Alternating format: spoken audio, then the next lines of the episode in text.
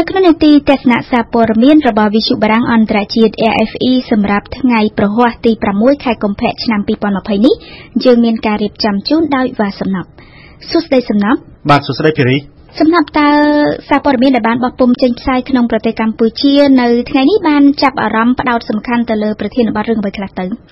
បាទធីរីដំណើរទស្សនកិច្ចដ៏គួរឲ្យភ្ញាក់ផ្អើលរបស់លោកនាយករដ្ឋមន្ត្រីហ៊ុនសែនទៅកាន់ទីក្រុងប៉េកាំងប្រទេសចិនគឺជាប្រធានរឿងសំខាន់ដែលកាសែតខ្មែរបានចុះផ្សាយយ៉ាងប្រងព្រាតនៅលើទំព័រមុខនៅថ្ងៃនេះផ្ដើមចេញពីកាសែតរស្មីកម្ពុជាកាសែតបានដាក់ចំណងជើងរឿងនេះជាអក្សរធំធំនៅលើទំព័រមុខថាសម្ដេចតេជោមិនបានទៅវូហាន តែអញ្ជើញទៅប៉េកាំងជាមួយនឹងចំណងជើងរឿងនេះរស្មីកម្ពុជាបានឡើងរូបភាពមួយសន្លឹកធំ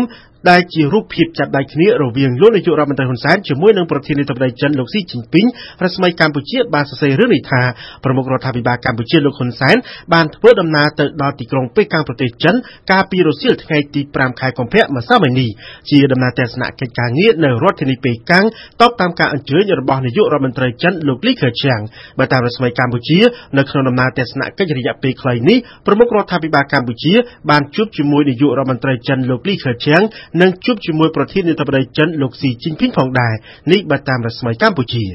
ចំណែកឯកាសែតកម្ពុជាថ្មីឯណោះវិញបានដាក់ចំណងជើងរឿងនេះដោយបានបញ្ជាក់ពីមូលហេតុពីដំណើររបស់ប្រមុខរដ្ឋាភិបាលកម្ពុជាលោកហ៊ុនសែនទៅកាន់ទីក្រុងប៉េកាំងនេះថាក្រសួងការបរទេសចិនមិនហ៊ានឲ្យសម្ដេចតេជោហ៊ុនសែនទៅកាន់ទីក្រុងវូហានតែមានដឹកនាំចិនអញ្ជើញសម្ដេចទៅទស្សនកិច្ចនៅទីក្រុងប៉េកាំងវិញ។ បើតាមកម្ពុជាថ្មីពីទីក្រុងប៉េកាំងប្រទេសចិនប្រមុខរដ្ឋាភិបាលកម្ពុជាលោកហ៊ុនសែនបានគូបញ្ជាក់ជាថ្មីថាលោកមិនអាចធ្វើដំណើរទៅកាន់ទីក្រុងវូហានដើម្បីសួរសុខទុក្ខនិស្សិតខ្មែរទាំង23នាក់ដែលកំពុងជាប់នៅក្នុងទីក្រុងវូហានបានទេដោយមូលហេតុខាងក្រសួងការបរទេសចិនឆ្លើយតបថាมันអាចរៀបចំជូនដល់ការធ្វើដំណើររបស់លោកនាយករដ្ឋមន្ត្រីហ៊ុនសែនទៅកាន់ទីក្រុងវូហានបានទេព្រោះទីក្រុងនេះបានប្រកាសភាពអាសន្នបិទមិនឲ្យមានការចរាចរណ៍ឆ្លងកាត់នៅក្នុងតំបន់នេះឡើយហើយចំពោះនិស្សិតវិញក៏មិនត្រូវបានអនុញ្ញាតឲ្យចេញក្រៅពីទីកន្លែងរស់នៅបានផងដែរ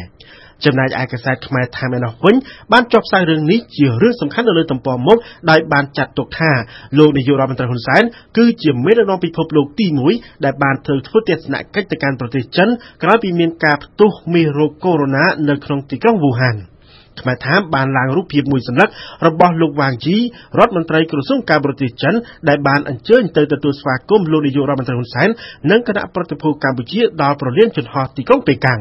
ចំណែកឯកាសែតភ្នំពេញប៉ុស្តិ៍ជាភាសាខ្មែរក៏បានសរសេររឿងនេះនៅលើទំព័រមុខដែរថាដំណើរទស្សនកិច្ចរយៈពេលខ្លីរបស់លោកនាយករដ្ឋមន្ត្រីហ៊ុនសែនទៅកាន់ទីក្រុងប៉េកាំងប្រទេសចិនគឺដើម្បីសម្ដែងការគួរសមជាមួយសមាភិកីចិននិងស្វែងយល់ពីការយកចិត្តទុកដាក់លើពលរដ្ឋកម្ពុជាដែលកំពុងរស់នៅ និងសិក្សានៅក្នុងប្រទេសចិនបន្ទាប់ពីរដ្ឋាភិបាលចិនមិនអាចរៀបចំទទួលដំណើរទស្សនកិច្ចរបស់លោកដែលចង់ទៅកាន់ទីក្រុងវូហានជាទីដែលមានការផ្ទុះជំងឺកូវីដ -19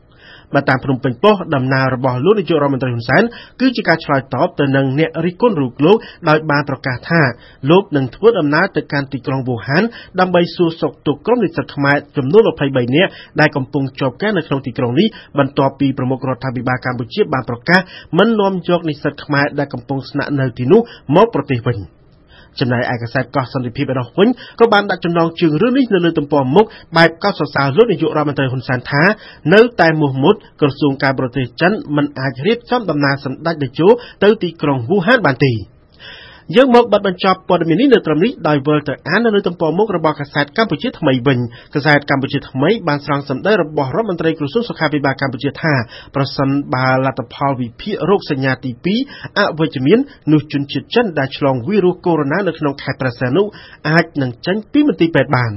រដ្ឋមន្ត្រីក្រសួងសុខាភិបាលណែនាំឲ្យមន្ត្រីច្រកទ្វារព្រំដែនអន្តរជាតិប៉ោយប៉ែតបង្កើនការត្រួតពិនិត្យដល់អ្នកដំណើរដើម្បីទប់ស្កាត់ជំងឺផ្លូវដង្ហើមកូវីដ -19 នេះគឺជាចំណងជើងរឿងសំខាន់ពីរទៀតនៅលើទំព័រមុខរបស់កាសែតកម្ពុជាថ្មីចំណែកឯប្រធានរឿងនយោបាយវិញកាសែតកោះសន្តិភាពបានចុះផ្សាយថាតុលាការបន្តសាវនាការសប្តាហ៍ទី4លោកកម្មសខាបដិសេធមិនបានធ្វើកញ្ជាបរទេសខណៈដែលកាសែតភ្នំពេញប៉ុស្តិ៍ជាភាសាខ្មែរឯណោះវិញបានចុះផ្សាយរឿងនេះនៅក្នុងទំព័រទី4របស់ខ្លួនថាលោកកឹមសុខាប្រាប់តុលាការថាគណៈបក្សសិទ្ធិមនុស្សបង្កើតដោយខ្មែរមិនមែនបរទេសទេបើតាមកាសែតភ្នំពេញប៉ុស្តិ៍ជាភាសាខ្មែរសវនាការកាត់ទោសអតីតប្រធានគណៈបកប្រឆាំងលោកកឹមសុខានឹងបន្តធ្វើនៅថ្ងៃនេះទៀតសូមអរគុណបាទសំណាប់សម្រាប់បទអត្ថាធិប្បាយក្នុងនេតិទស្សនៈសារព័ត៌មាននៅថ្ងៃនេះ